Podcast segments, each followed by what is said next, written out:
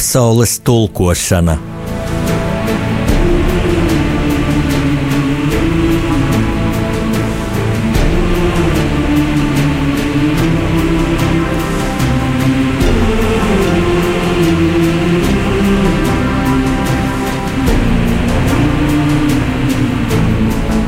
Studijā rakstnieks Jānis Udris.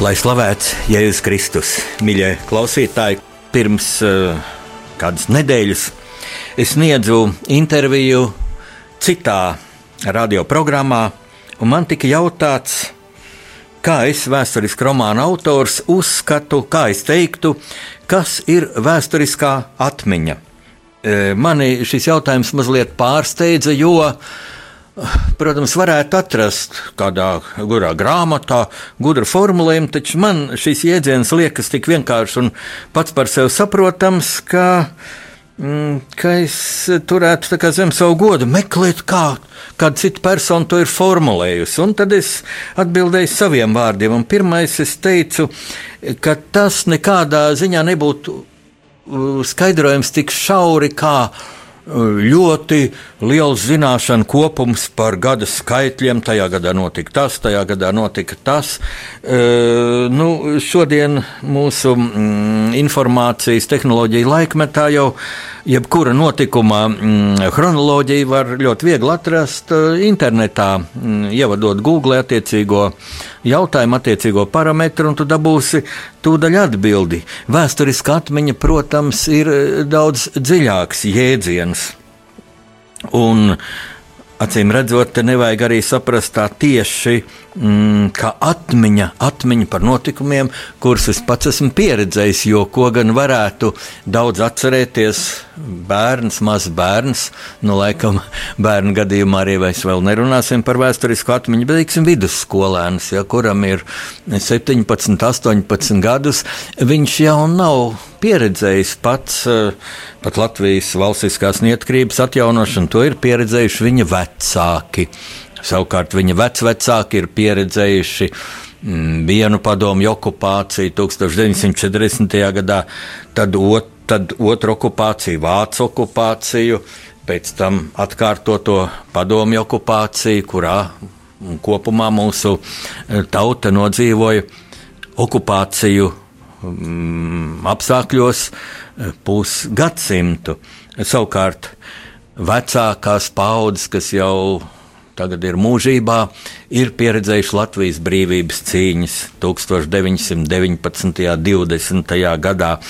Nu, un tad nu, vēsturiska atmiņa ir, ir pirmkārt jau tas, kā no paudzes paudzē mūsu valsts dzimšana, mūsu neatkarības nosargāšana, mūsu tautas izdzīvošanas prasme, trīs okupāciju apstākļos, kā tas viss ir nonācis līdz šodienas cilvēkiem. Nu, un konkrētie fakti, kurā gadā kas notika, nu, protams, inteliģentam cilvēkam ir mm, viņa vērtību sistēmā.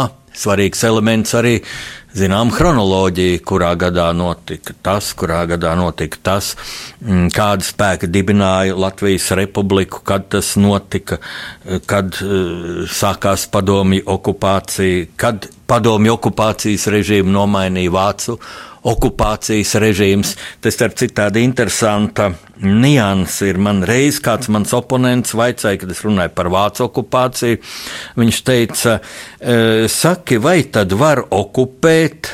Jau okupētu valsti. Jā, patiešām Vācijas karaspēks ar kaujām ienāca Padomju Savienības okupētajā Latvijā. Visās trīs Baltijas valstīs līdzīga šī situācija bija. Un, un tad, nu jā, kas tas bija? Latvijas atbrīvošana no okupācijas. Jā, tā daudzi latvieši domāja, sveic Vācu armiju, pacēla sarkanbaltsarkano karogu, uzvilka brīvās Latvijas armijas, policijas uniformas Domāju, mums atkal ir sava valsts. Taču nē, tā bija tikai jauna okupācija, kas, starp citu, mm, daudzos parametros pārsteidzoši atgādināja padomju okupāciju. Nu, piemēram, tas, ka tika pārdēvēts ielas, ja, ja pēc padomju režīma ienākšanas brīvības iela tika nosaukta par Ļeņinu ielu. Nu, tad vācu režīms to pārdēvēja nevis atpakaļ par brīvības ielu, bet par Hitlera strāsi vai Kristiāna Valdemāra ielu, tika nosaukt par Hermaņa Geiringa ielu. Mm, ielu nosaukumi bija vācu valodā, tāpat kā mm, padomju okupācijas laikā tie bija divās valodās, latviešu un krievu valodā. Mm, lūk, vēsturiska atmiņa veidojas no šādiem elementiem. Tā ir mana pārliecība. Ar šādu pārliecību es arī rakstu savus vēsturiskos romānus, atgādinot notikumus, kas ir neskaidri, kas ir aizmirsušies, un tā tapa man romāna par Zigfrīdu Annu Meirovicu, Meirovicu trīs Annas. Tā tapa mans romāns par Kārlu Ulmani, Ulmanis, Lielā Kārļa testaments, kas ir vienīgais romāns par, mm, par Kārlu Ulmanu, kur es uzskatu par Latvijas vēsturē visdramatiskāko, vistraģiskāko mm, valsts vīru, kurš liktenīgi kļūdījās, gribēdams labu, gribēdams pasargāt tautu no lieliem upuriem, neļāva armijai pretoties padomju okupācijas armijai, un rezultāts bija vēl traģiskāks. Nu, tā tapu mans jaunākais romāns, Bruņinieks, Leitnants Rubenis, Bruņinieks Roberts par latviešu virsnieku, kurš divu okupācijas armiju sadursmē grib atjaunot Latvijas armiju un, un izveido savu Rubeņa bataljonu, kas leģendārā kaujā ar vācu soda ekspedīciju izcīnīja uzvaru 1944. gada 18. novembrī. Mm, tad ļoti pretrunīgi notikumi mūsu valsts vēsturē, kuri ilgus gadus būtībā ir noklusēti bijuši un kuri mm, arī tagad bieži vien tiek traktēti ļoti vienpusīgi. Un es gribu to ilustrēt ar aizvadīt, atskatu aizvadītajā mēnesī, martā. Ja es tagad jautātu, kādi vēsturiski notikumi tika atzīmēti nu pat pagājušajā mēnesī, tad lieluma lielā daļa cilvēku atbildētu, ka vispirms 16. mārts, leģionāra atceres diena, ko kādreiz mūsu mm, parlaments bija bija ierindojis atzīmējumu dienu sarakstā, un pēc tam tas tika atsaukts, bet nu, tautas atmiņā šī diena dzīvo. Trimdā tā jau sen tika atzīmēta 16. marts kā leģionāra atceres diena, un tagad jau arī diezgan ilgi Latvijā, mm, atkal brīvajā Latvijā, šajā dienā bija šie leģionāri un cilvēki, kas godina viņu piemiņu. Tātad pulcējas no rīta dievkalpojumā, mm, pēc tam dodas pie brīvības pieminiekļa, nolikt ziedus. Nu, un vai nu tie paši cilvēki, vai arī citi dodas uz Lesteni, kur ir leģionāru brāļu kapi, kur apbedīti vairāk kā tūkstoši mm, Otrajā pasaules karā, Vācu armijā kritušie latvieši. Lūk, tāds notikums. Nu, un otrs notikums, kurā arī es pats aktīvi piedalījos, ir 25. marts, padomju okupācijas režīma uh, izvērstā genocīda upuru piemiņas um, diena, um, atceroties vairāk nekā 40 uz Sibīriju deportētos cilvēkus. Šī deportācija notika 1949. gada 25. martā. Tātad uh, politiski represēto apvienība rīko gājienu pie brīvības pieminekļa atkal noliekot ziedus un Pēc tam politiski represēto apvienības biedriem ir pieņemšana pie valsts prezidenta. Šogad tā izvērtās tāda īpaši sirsnīga. Prezidents Vējons ļoti sirsnīgi uzrunāja politiski represētos, un laiks tajā dienā, kā atceraties, bija ļoti augsts, dzēstars lietus, it kā padziļinot tautas sēras, bet, bet šīs dienas izskaņa prezidenta pilī bija mm, ļoti sirsnīga. Nu, un tad lielākā daļa arī teikt, jā, nu bija divi šādi vēsturi, vēsturisku mm, notikumu atceres brīži martā. Un te nu man ir ļoti skumji jānopūšas, jo netika nu, daudz mūsu atmiņā, pat neparādās 17. marts. Un proti, 17. marts ir Latvijas centrālās padomes memoranda uh, publicēšanas datums. Un par šo memorandu ilgus gadus Latvijas sabiedrība vispār neko nezināja. Nu, šogad, šogad jāteic, ka plašāk nekā iepriekšējos gados tika pieminēts šis memorands, tā sastādītāji.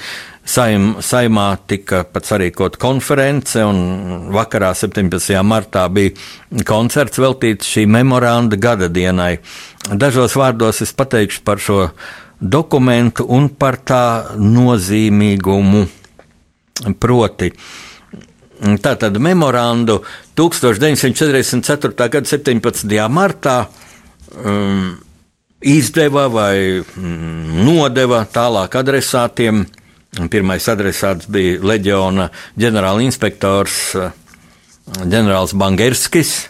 Lai gan īstais memo, uh, memoranda adresāts adresāti bija mm, Rietumvalstu demokrātisko valdību vadītājiem. Bija domāts tā, nu, vispirms izmēģinot iedot Bangerskim, lai viņš tālāk iesniegtu Vācu administrācijai, bet tālāk jau pa nelegāliem kanāliem šis dokuments nokļuva Zviedrijā un no turienes tālāk mm, pie Rietumvalstu vadītājiem. Šo memorandu sastādīja Latvijas centrālā padome. Savukārt Latvijas centrālā padome nelegāli Vācu okupācijas apstākļos bija izveidota 1943. gada 13. augustā, un to veidoja nu, visu lielāko pirmskara Latvijas e, politisko e, partiju e, pārstāvji. Nu, kā zināms, politiskās partijas Latvijā pastāvēja līdz Ulmaņa apvērsumam 34. gada 15. maijā. Tad, tad lielākās partijas, kas tajā laikā bija Latvijas sociāldemokrātiskā strādnieka partija, Zemnieku savienība, Demokrātiskais centrs un Latgals Kristīgo zemnieku partija. Lūk, Demokrātisko centru. Mm, Tātad izveido šo partiju pārstāvi ar profesoru Konstantīnu Čaksti priekšgalā. Nu, Konstantīns Čaksti bija ļoti cienīta persona Latvijai, jo viņš bija Latvijas valsts pirmā prezidenta Jāņa Čakstes dēls. Nu, un 44. gada martā Konstantīns Čakste kopā ar Feliksu Ielēnu izstrādāja centrālās padomas memorandu, e, kuru parakstīja mm, 189 e, ievērojami Latvijas politiskie un kultūras darbinieki. Tā ir vesela izcila Latvijas, tā, latviešu tautas dēlu E, plejādi. Viņi to parakstīja, labi zinot, ka vācu okupācijas režīms izvērsīs represijas pret viņiem. Tomēr viņi mm, to darīja. E, šī dokumenta mm, liktenis bija ļoti īpatnējs. Nu, proti, vācu iestādes patiešām izrēķinājās dažādos laikos, dažādos veidos ar ar šī dokumenta parakstītājiem, taču pats dokuments ilgus, ilgus gadus nebija tā īsti tā oriģināls nebija atrodams. E, bija dažādas versijas, šī dokumenta fotokopijas, un pašu oriģinālu atrada relatīvi nesen, 2001. gadā, veicot remontdarbus kādā vecrīgas namā, Peldu ielā, 19. 5. dzīvoklī, kara laikā nams bija, nu, tas, dzīvoklis bija numurs 16. Tur zem grīdas dēļiem atrada apslēpt šo, šī dokumenta oriģinālu. Tagad tas glabājas kara muzejā, īpašā seifā. Nu, šī mm, dokumenta eh, kopiju var ap, aplūkot kara muzeja ekspozīcijā. Mani ļoti aizkustināja, uzzinot par šī dokumenta atrašanu, fakts, ka šis dzīvoklis bija māja vieta Latvijas ordeņa kavalierei un arī Vācu okupācijas laikā, tātad Nacionālās pretošanās kustības dalībniecei Valijai Vešūnai Jansonai, jo viņas vīrs, inženieris Vilhelms Jansons bija viens no šī dokumenta parakstītājiem, un ar Valēriju Valiju Vešūni man bija laime tikties padomju mm, okupācijas laika pašās, pašās, pašās beigās, kad es kā radiožurnālists viņu uzmeklēju, uzzinot, ka ir vēl dzīva viena no Latvijas ordeņa kavalieriem. Es Valēriju Valīju Vešūni apciemoju Lielupē, viņas namiņā. Viņa jau bija mm, ar diezgan sliktu veselību, mm, pārvietojās ratiņkrēslā. Pirmo reizi es viņu sastapu 89. gada mm, Latvijas dienā, 11. novembrī, pie brīvības pieminiekļa, kur viņa tika godināta kopā ar vēl kādu Latvijas ordeņa kavalieri. Nu, tā es par Valēriju Valīju Vešu un sagatavoju radio raidījumu un, uh, ar Valēriju Valīju Veščūni. Man bija interesanti saruna par viņas jaunības atmiņām, un viena šāda atmiņa epizode ir iekļauta arī manā romānā Zigfrīds, mm, Zigfrīda Meirovica 3. Annas, kas pirmoreiz iznāca 2007. gadā. Ja raidījuma laiks atļaut, es nolasītu arī šo fragment, bet tas ir jau pēc eh, tāda šobrīd ļoti svarīga ieskata paša memoranda saturā un tā liktenī. Lūk, memorands šī, mem šī dokumenta vēsturisko nozīmīgumu mm, ir grūti pārvērtēt. Nevēl tas ir iekļauts UNESCO mm, pasaules svarīgāko dokumentu sarakstā, kā spilgta liecība par Latvijas unikālo vēsturi, sarežģīto, grūto vēsturi. Ja īsi jāpasaka, tad tā būtība ir tāda, ka latviešiem, tāpat kā lietuviešiem, igauniem, kā vairākām citām austrumu Eiropas tautām, Otrā pasaules kara laikā nācās cīnīties pret diviem okupācijas režīmiem, divu okupācijas lielvaru armijās, proti Padomju Savienības sarkanajā armijā kur latvieši gan tika mobilizēti, gan arī daudz iestājās brīvprātīgi, jo pirms kara Latvijā, īpaši Ulmaņa autoritārās valdīšanas gados, bija ārkārtīgi aktīva antivāciska propaganda Pret Padomu Savienību nē, bet tieši pret Vāciju. Jo Ulmans tā subjektīvi ļoti nīda vāciešus, un viņa ideoloģiskais postulāts bija, ka vācieši mūs apspieda septiņus gadsimtus, tagad mēs esam brīvi un pasakam, ko par viņiem domājam. Lūk, nu, un vajadzēja karot latviešiem Vācu armijā, leģionā, kur bija divas latviešu divīzijas. Mm, šīs divīzijas pirmo un būtībā arī vienīgo reizi abas sastapās kopīgā kaujā 1944. gada 16. martā, no 16. līdz 19. martam, Krievijā pie Veļīkais upes, tas jau ir tuvu pie Latvijas robežas. Nu, un te arī radās šī leģionāra atceres diena, 16. marts. Tātad godinot mm, to latviešu piemiņu, kur karoja Vācu armijā. Nu, ir tēze, mm, par kuras padomātu un būtībā parakstīto zem tās, proti viņi karoja par Latviju. Jā, protams, ir demagoģija, ir mēl apgalvot, ka viņi karoja par Vāciju. Nē, viņi karoja par Latviju.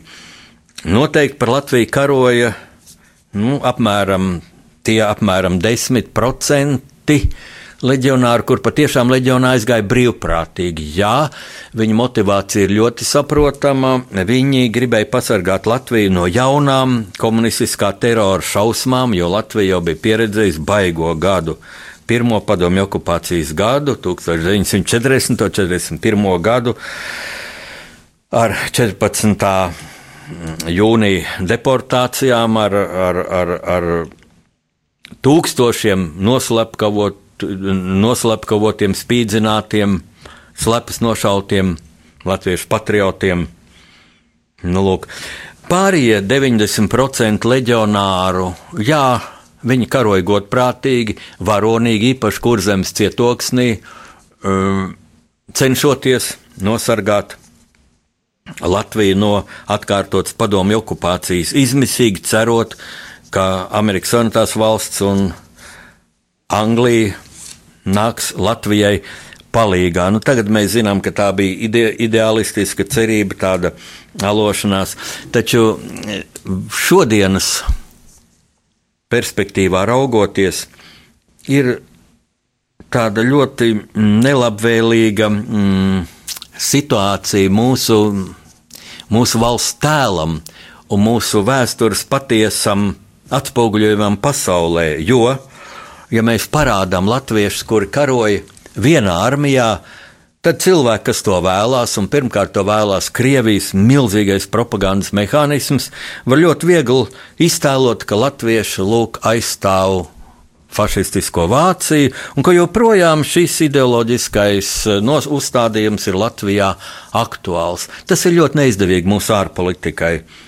Nu, savukārt padomju okupācijas režīms iztēloja, ka leģionā visi bija fašisti un šāva ebrejs, kas ir, protams, absolūti meli, un ka visi latvieši dziļā vienprātībā atbalstīja padomu iekārtu un cīnījās par to. Nu, tie bija cīniski, nekaunīgi meli. Un tad, nu, jautājums, vai mūsu vēsturiskā atmiņa ir sakārtota, vai tajā viss ir loģiski salikts pa plauktiņiem, visi notikumi ir savā vietā. Ja Šobrīd mēs dodam paši pamatu, atzīmējot vienu vēstures datumu, 16. martu, dodam lūk, iespēju melīgi traktēt mūsu vēsturi. Un atbildi ir nē, šī aina ir absolūti nepilnīga un izkropļota bez 17. marta. Man ļoti pārsteidza mm, īpaši uzviļņojušos kaislības 2014. gadā, kad bija apaļa jubileja šiem 16. marta notikumiem un nākamajā dienā 17. marta notikumiem, jo 16. marta kaujas veļīgais krastā sākās 44. gada 16. martā un dienu vēlāk Lūk Rīgā patriotu grupa laida tautā, laida apritē šo mm, Latvijas centrālās padomas manifestu. Un kad es vaicāju, Nu, kā tas tā iespējams? Kāpēc pie brīvības pieminiekļu godinot leģionārus nemin šo manifestu? Tad atbilde bija ļoti triviāla. No organizatoriem, nu, ka šos pasākumus organizē divas dažādas cilvēku grupas, un leģionāra atceres dienu organizē jau kopš 50. gadiem trimdā. Trimdā izveidotā organizācija Daugaus Vanaga ļoti patriotiska, ļoti spēcīga organizācija, viņiem ir labas tradīcijas, un tad šī tradīcija tika ienesta Latvijā, un, un te nu nebūtu ko iebilst. Kar, karavīri grib godināt savus kritušos cīņu biedrus, apliecināt arī savu uzticību Latvijai, savai tēvzemei, bet nu, tas, ka ilgus gadus, ka ilgus gadus šis manifests nebija tautai zināms, tas ir briesmīgs trūkums mūsu vēsturiskajā atmiņā. Un tagad es palūkšu Mārim, kurš ir pie, pie aparātiem un mūzikas ierakstiem, dot tādu muzikālu pauzi, jums pārdomāt manus vārdus. Varbūt rodas kādi jautājumi, tad jūs varat sūtīt īsiņas uz mūsu telefonu uh, 67 969, 128, un pēc tam es nolasīšu īsu fragment no sava jaunā romāna Leitants Rubens Bruņnieks Roberts, kā man romāna varonis, tātad nu, rakstnieka iztēlē, iztēles aprakstā, kā iepazīsts ar, ar Latvijas centrālās padomas manifestu.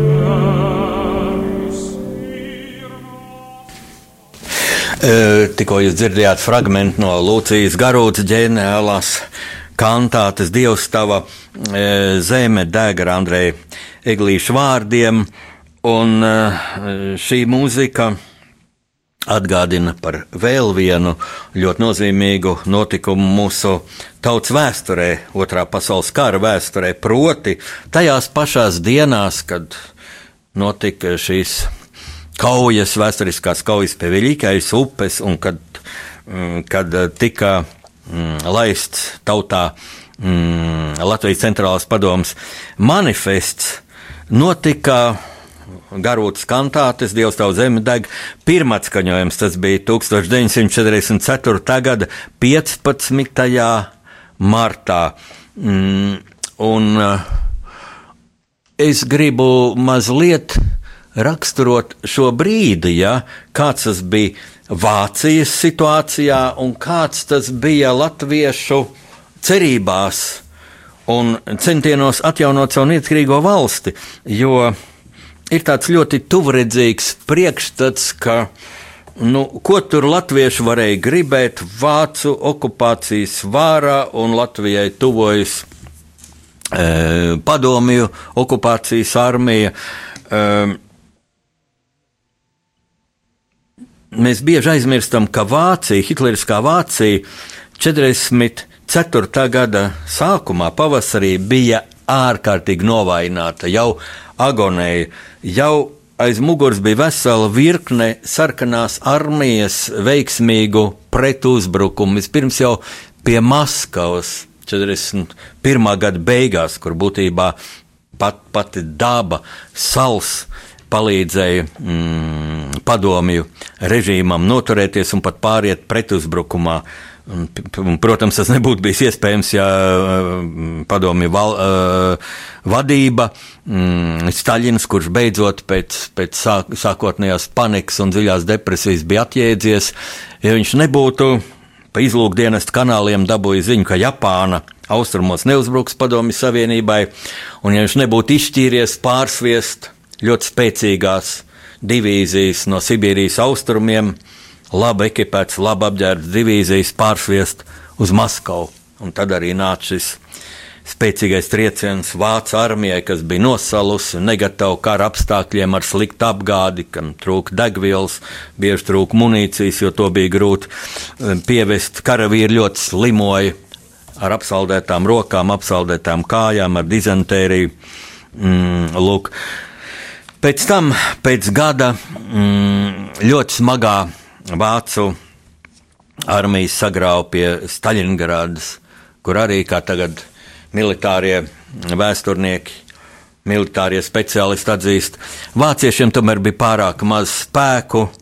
Viņam tur bija 60 divīzijas, vajadzēja divreiz vairāk, tik dziļi Krievijas teritorijā iekšā atrodoties. Pēc tam vācieši ļoti paļāvās uz savu sabiedrotu itāļu, uh, Ungāru, Rumāņu, Slovāku divīzijām, kuras bija daudz, daudz vājākas, vājāk sagatavotas, vājāk apbruņotas par, par vācu divīzijām.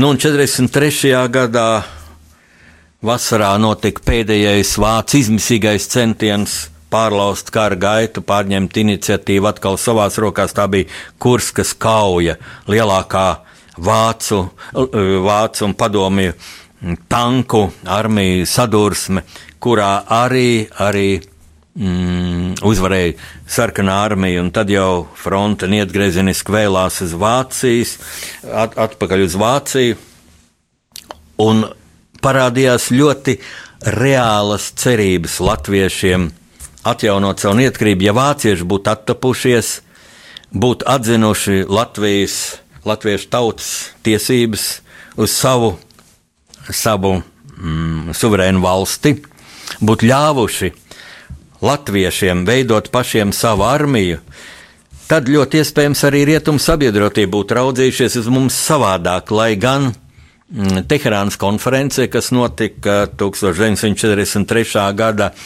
rudenī, tur bija tāda īpatnēja Staļina un Rūzvelta saruna par Latviju. Un kad Rūzvelts tā ieminējās, ka nu, viņa valstī, Amerikas Savienotajās valstīs, e, sabiedrība tomēr gribētu, lai tad, kad e, sarkanā armija atkal ienāks Latvijas teritorijā, lai um, tautai būtu iespēja pateikt savu izvēli lai tiktu sarīkots referendums. Un Staļins uz to smiedamies atbildēja, bet latviešu tauta jau vienreiz nobalsojusi par iestāšanos Padomu Savienībā. Kaut Rūzvelts, starp citu, savu jautājumu, Rūzveltam ļoti vajadzēja, lai Staļins tur šo galveno triecienu, šo galveno triecienu pret hitlerisko Vāciju, lai pēc iespējas mazāk amerikāņu karavīri ietu bojā. Tāpēc amerikāņi deva bruņojumu Padomu Savienībai, deva produktus, deva degvielu, deva dažādas kāru materiālus, bet lai cilvēku lielākos upurus nestu mm, Krievu tauta. Nu, tāda bija tā taktika. Un Roosevelts tā, mm, tā iztapīgi Staļinam vēl teica Teherānas konferencē, nu, Jūs taču varētu to referendumu sarīkot, jo nu, vai jūs paši šaubāties, ka, ka Latviešu tauta nobalsotu par iestāšanos atkal Padomju Savienībā, un Staļins tā nosmējās. Nu, viņi taču vienreiz jau nobalsoja nu, par to, kā tā nobalsošana notika 1944. gada jūlijā, tās augtās eh, tautas saimnes vēlēšanās, es jau esmu minējis šo vēsturisko paradoksu, ka vēlēšanas notika divas dienas, sestdienā, svētdienā, 14. un 15. jūlijā.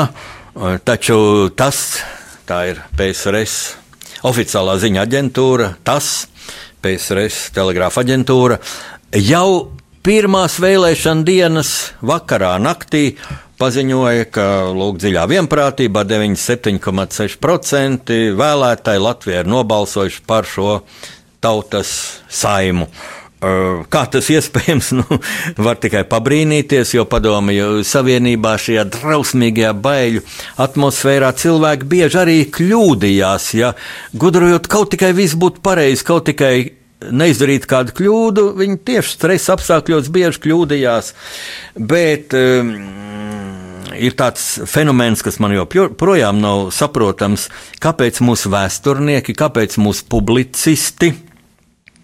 Kāpēc tā sauktā interpretējušā elite, respektīvi cilvēki, kas, eh, kam ir iespēja mm, informēt sabiedrību, eh, veidot sabiedrisko domu, Hmm, balstoties uz patiesiem faktiem. Kāpēc šo faktu tik maz, kur ir publicējuši un darījuši zinām atklātībā? Es personīgi zinu divus autorus, kas savās grāmatās min šo faktu. Viens ir e, ļoti godājamais publicists Visvalds Lācis, kurš vēl nesen pirms dažiem gadiem bija e, saimnes deputāts un kā tāds bija vecākais saimnes deputāts Eiropas Savienības dalību valstu vidū. Nu, un otrs Autors ir jūs padavīgs kalps šobrīd pie Radio Marija Latvija mikrofona visos manos romānos, arī manā grāmatā pusauģiem, Melders un Matīs ceļojums vēsturē. Šis fakts ir minēts. Ja kāds apšauba šo, šo vēsturisko paradoksu, tad var pastīties laikraksts London Times 1940. Eh, gada 15. Mm, jūlija numuru, kurā ir melns uz balta nodrukāts, kad kā ziņo PSRS oficiālā informācijas aģentūra TAS vakar, 14. jūlijā, Latvijā notika vēlēšanas, un tajās 97,6% nobalsoja par tautas saimu. Interesanti, es vēl gatavojoties šim raidījumam, paskatījos eh, internetā Wikipēdiju, kā atspoguļo šīs tautas saimas vēlēšanas, un man mazliet bija kauns mm, par šī ieraksta autoriem. Viņi gan arī min to faktu, ka vēl pirms vēlēšanu beigām tika paziņot šis falsificētais rezultāts. Bet viņi nezinu, kāpēc tomēr ir tā kā nokompleksojuši, nobaidījušies uh, ar tādu kalpa kalpa filozofiju, nobaidījušies teikt, ka šo idiotismu nosaukt īstajos vārdos, kad divu dienu vēlēšanās jau pirmās dienas beigās tika paziņots rezultāts. Tur ir teikts tā, ka vēl pirms balsošanas iecirkņu slēgšanas tika pateikts šis rezultāts. Nu, man bija mazliet nevis mazliet, bet stipri kauns, kauns kā latvietim to lasot. Bet tagad eh, fragments, kā es solīju no mana romāna, proti ir tāda situācija, ka mana romāna varonis Leitnants Roberts Rubenis. Eh, viņš ir iesaukts 44. gada pavasarī, iesaukts leģionā. Viņam jādodas ir uz. Mm, Tātad viņš jau ir tātad, pakļauts mobilizācijai leģionā, un, un viņam ir jādodas uz Jēlgavu, kur tiek formēta viņa daļa, bet pa ceļam viņš tiekas stacijas komendantūrā ar kādu latviešu liepiņu, kas arī ir iesaukts Vācu armijā un ir diezgan augstā matā tur, bet patiesībā šis liepiņš ir ļoti cieši saistīts ar Latvijas centrālo padomi un ir tāds pagrīdes sakarnieks. Un uh, pirms tam jau viņiem ir bijušas vairākas sarunas, Leitnants Rubens un tur Liepiņš. Uh, tātad uh, Leitnantam Rubenim pauž šo cent Latvijas centrālās padomas uzstādījumu, ka latviešu virsniekiem leģionā vajag censties dabūt savā mm, pakļautībā pēc iespējas lielākas leģiona vienības. Nu, ja uh, Roberts Rubens ir leitnants, tad vismaz lai viņš kļūtu par rotas komandieri, jo katra vienība lūk, Latvijai liktenīgā brīdī var būt noderīga, lai iestātos labi bruņot ar vācu ieročiem, lai kļūtu par Latvijas Nacionālās armijas sākumu varbūt pat arestēt vācu ģenerāļus, jo, mm, kā zināms, tad mm, vācieši. Pildot savu, savas okupācijas varas intereses, arī abu šo leģionu divīziju vadību neusticēja latviešiem, bet vācu ģenerāļiem. Tas augstākais amats, kas bija latvietim, tas bija ģenerālim Bangerskim. Viņš bija ģenerāla inspektors, kas tā kā nu varēja apbraukāt šīs leģionu divīzijas, tikties ar karavīriem, vērot, kā viņi ir bruņoti, kā viņi ir apģērbti, kā viņi ir apgādāti, vai viņi ir apmierināti ar, ar, ar, ar, ar savu dienestu. Nu, lūk, tā tas bija. Nu, un saruna tā tad notiek eh, stacijas komendantūrā, kur, kur, protams, abi šie latvieši rēķinās, ka viņi varētu tikt eh, slepeni uzraudzīti, ka ir noklausīšanās iekārts, un tāpēc, lūk, Liepiņš pārlaida skatienu istaba, izvilka no mundīra iekškabats četrkārt salocītu papīra lapu, atlocīto un deva Robertam, skatīdamies viņam acīs un vienlaikus māksloti mundri runādams. Es domāju, ka ir pienācis Lielvācijas laiks parādīt visu savu militāro varenību šai vasarai Jānas izšķirošais pavērsiens kara gaitā. Mēs beidzot salauzīsim Krievijas mugurkaulu bet tu tūdi, tūlīt izlasi doktora Gebels jaunāko runu, to caurājuši nelokāma ticība vācu garu un vācu ieroču spējām, un arī mums, latviešiem, tā ir labs ceļvedis gaidāmajās kaujās. Roberts pārsteigts ieskatījās liepiņām sejā un redzot viņa acīs ironijas uguntiņas, sāk lasīt pasniegto tekstu. Liepiņš atkal uzmetis acis kabineta sienām, zīmīgi piebildu: Šī ir īpaša doktora Gebels runa, lasi to uzmanīgi. Diemžēl man nav liekas kopijas, izlasu un paturu prātā visu, kas tur sacīts. Robertu caurstrāvoja pārsteiguma un lepnuma vilnis. Tas bija Latvijas centrālās padomas memorands. Un tie citāts.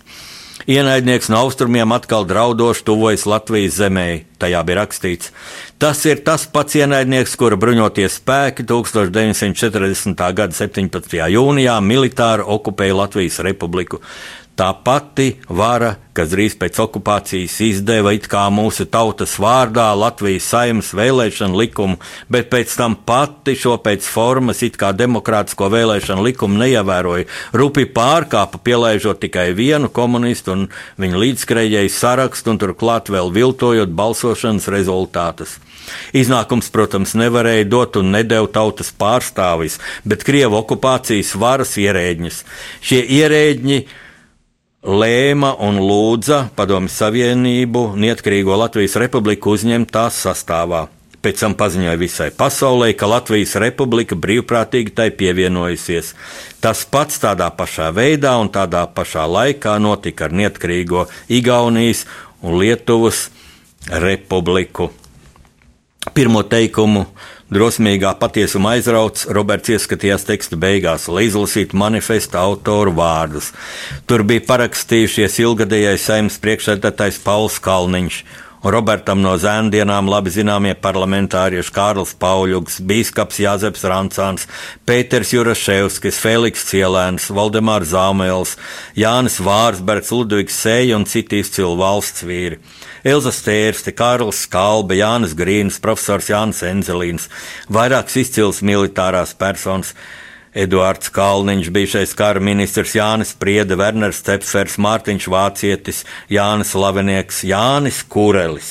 Pavisam tur bija 188 izcilu Latvijas valsts vīru, sabiedrisko darbinieku un kultūras darbinieku paraksti. Dokuments bija datēts ar 17. martu, tātad nulle kā parakstīts. Un tālāk memorandā bija teikts, Latvijas varmācīgā pievienošana Padomju Savienība izdarīta, rupi pārkāpjot Latvijas Republikas satversmi un laužot Latvijas Padomju Savienības savstarpējos līgumus, Tautu Savienības paktu un veselu virkni starptautisku līgumu. Latvijas pievienošana Padomju Savienībai nav arī atzīta starptautisko tiesību nozīmē. No sacītā neapstrīdam izriet, kā Pēc starptautiskajām tiesību normām Latvijas republika tiesiski turpina pastāvēt. Un tālāk memorāns atklāti pauda viedokli, ko Roberts bija viltīgi atklājis savos publiskajos priekšlasījumos, proti, Latvijas nācijas tiesiskai apziņai un nacionālajai pašcieņai atbilstu tāda mobilizācija Latvijas armijai, kas būtu izsludināta Latvijas valsts likumīgo orgānu vārdā un Latvijas valsts aizsardzībai. Tikai tāda mobilizācija liederīgi veidotu mūsu militāro spēku, ievērojami veicinātu un kāpinātu tā kaujas spējas. Pēc mūsu izpratnes, otrā pasaules kara tagadējā norisē ir tiešām pienācis brīdis, kad apdraudēta mūsu tautas dzīvība, pati tautas esamība, pienācis liktenīgais brīdis būt vai nebūt. Pēc visiem dabas un cilvēcības likumiem neviens mums nevar apstrīdēt tiesības aizstāvēties, ja tiek apdraudēta mūsu nācija un tās esamība. Pamatojoties uz šīm atziņām, mēs deklarējam Latvijas tautas gribu un gatavību aizstāvēt visiem mums iespējamiem spēkiem un līdzekļiem Latvijas valsts robežas pret uzbrukošo ienaidnieku. Sacīto ievērojot, mēs apakšā parakstījušies Latvijas nācijas vārdā deklarējam, sekojošo mūsu tautas vienoto gribu. Pirmkārt, nekavējoties atjaunojam Latvijas republikas faktiskā suverenitāte. Otrakārt, sastādām saskaņā ar spēkā esošo Latvijas republikas 1922. gada satversmi Latvijas valdības koalīcijas pamatiem, kas pulcētu ap sevi visu Latvijas tautu. Treškārt, Latvijas valdības tuvākajiem uzdevumiem jābūt valsts aparāta un Latvijas armijas atjaunošana, Latvijas valsts teritorijas aizstāvēšana pret draudošo Padomju Savienības armiju iebrukumu un cik tālu tas kara apstākļos iespējams diplomātsko sakaru nodibināšana ar ārvalstīm un pirmā kārtā ar tām, kas atzītu šo mūsu deklarēto nācijas gribu un atbalstītu priekšā stāvošo militāro uzdevumu Latvijas valsts aizsargāšanu. Pēc mūsu ieskata sekmējam arī cieša savienības nodibināšana ar Igauniju un Lietuvu un šīs savienības pārveidošana Latvijas valstu konfederācijā, ja, min ja minētās valstis tām piekristu. Kāpēc Roberts paskatījās liepiņu, taču apsprieda visus jautājumus, taču apsprieda visus jautājumus, saprata Rubeņa vēlmu uzzināt dokumentu turpmāko likteni, liepiņš iznāca Robertam līdz gaitenī un klusi teica – Pagaidām šis ir slēgts dokuments, un es tev esmu to rādījis, ne tu to esi lasījis. Tas domāts iesniegšanai Rietumvalstu valdībām, taču formāli tas adresēts leģiona ģenerāla inspektoram Bangerskim, lai viņš to iesniegtu Reiha augstākajai vadībai un iespējams arī Hitleram. Redzēsim, cik tālu tas aizies. Tad, tātad tu šo tekstu vēl neesi redzējis, un lai Dievs mums palīdz. Lai Dievs palīdz memoranda parakstītājiem, Roberts aizkustināts piebilda, domāju, šis dokuments nesīs kardinālus pārmaiņas mūsu nācijas liktenī. Lūk, tik tālu citāts no mana romāna Leitnants Rubens Bruņnieks Roberts, un te es gribu akcentēt vēl kādu, kādu apstākli, kas mūsu historiografijā kaut kā nav izdalīts un nav mūsu nācijas apziņā būtībā tā īsti vēl novērtēts. Tātad 44. gada vasarā sarkanā mm, armija jau iebruka atkal Latvijas teritorijā, sākās kaujas par Latviju, un ļoti mm, asiņainas kaujas bija par Jēlgavu, jo sarkanā armija šeit jau ļoti tuvu pienāca Rīgai. Tas bija viens no sarkanās armijas triecieniem no Lietuvas puses, caur šauļiem, caur jauniešiem. Tur izmantojot vācu vadības tādu muļķību un nespēju turēt fronti, vācu armija, vā, padomi tanki izlauzās līdz Jelgavai un jau ienāca pilsētā. Un tad latviešu leģionāri bija tie, kas naktī no Lielupas labā krasta pārcēlās laiviņās pāri atkal uz Jelgavas centru, uzbruka sarkanajai armijai, kas tur bija sarīkojusi dzīves, viņi bija atraduši stacijā kādu spirta cisternu un pamatīgi piedzērušies. Šie sarkanā armija bija. Sākās panika, sarkanā armija atstāja, atstāja Jelgavu Un tad nāca atkārtotā uzbrukumā, un tad jau cīņas bija ļoti asas, ļoti asiņainas. Bet līdz ar šīm cīņām, mm, pateicoties leģionāru varonībai, mm, sarkanā armija tomēr netika tālāk par Lielupas kreiso krastu. Viņi nevarēja ieņemt labo krastu. Un, Tur gan notika arī tas mm, unikālais sarkanās armijas tanku izrāviens līdz Baltijas jūrai, jau kad tika piesmelts divas pudeles ar Baltijas jūras ūdeni, aizvests Staļinam, lai noziņot šo operāciju vadīja tāds sarkanās armijas ģenerālis Krēmers. Nu, bet šī operācija daudz neko nedēļ, jo, jo sarkanās armijas spēki tika atkal atspiest atpakaļ, un latviešu inteliģents, latviešu patrioti vēl pagūno no Rīgas mm, atkāpties līdz pat 44. gada oktobrim, atkāpties uz kurzem, no kurzemes tālāk no Ventspils. No Liepājas doties bēgļu gaitās, ļoti daudz devās bēgļu gaitās ar zvejnieku laiviņām uz neitrālo Zviedriju, uz Gotlandas salu. Tas bija asiņains ceļš, bet tāds bija mūsu tautas liktenis. Un, ja tā domā, Tagad kāds apgalvo, ka šis um, Latvijas centrālās padomas memorands bija tāds pilnīgi nu, utopisks dokuments, tad tas ir ļoti tuvredzīgs apgalvojums, jo to, ka Vācija agonē saprata Vācu augstākā virsniecība, saprata Vācu, nu, Vācu patrioti, kuri 1944. gada 20. jūlijā sarīkoja atentātu pret Hitleru. Un tiešām jādomā, kādi sātaniski spēki arī šoreiz izglāba Hitleru, tāpat kā vairākos atentātos pirms tam. Jo šī grāfa Stauffenberga noliktā bumba portfelī, tomēr bija šis portfels bija pārvietots un, un bija smags ozola koka galds priekšā, kas Hitleru paglāba. Viņš tika cauri ar samērā viegliem ievainojumiem, izvērsa uh, zvērīgu represiju, teroru pret, pret vācu šiem patriotiem. Bet, ja šis atentāts būtu izdevies, tad nav ne mazāko šaubu, ka vācu augstākā militārā vadība tūdaļ būtu kapitulējusi mūsu rietumu sabiedrotajiem, amerikāņu, angļu armijai. Mm, arī franči tad jau bija iesaistījušies cīņās pret hitlerisko Vāciju atkal. Un, uh, Un, protams, ka viņi pieprasītu padomju savienību, nu, palikt tajās robežās, kas bija pirms otrā pasaules kara. Un tad arī Latvija ļoti reāli, Latvija, Lietuva, Igaunija varētu cerēt uz nu, reālu savas gribas ievērošanu. Tad varbūt tiešām arī Staļinam nāktos nāktos uzklausīt šo rietumu valstu prasību, lai notiktu referendums un lai tas notiktu godīgos apstākļos. Nu, un, ja nē, tad būtu karš, kas, kas būtu nu, ļoti loģisks karš starp uh, rietumu demokrātiju un asiņaino Staļina režīmu.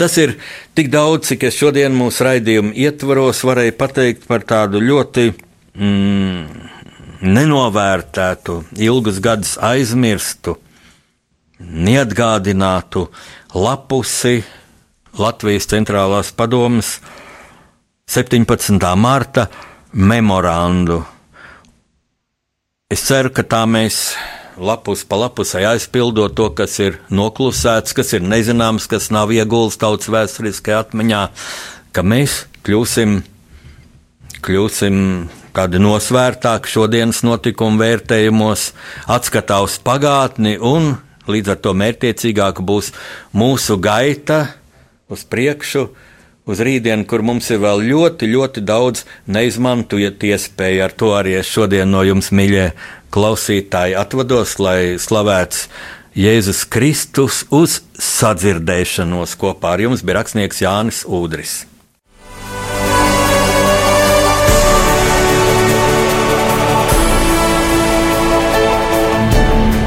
Pasaules tulkošana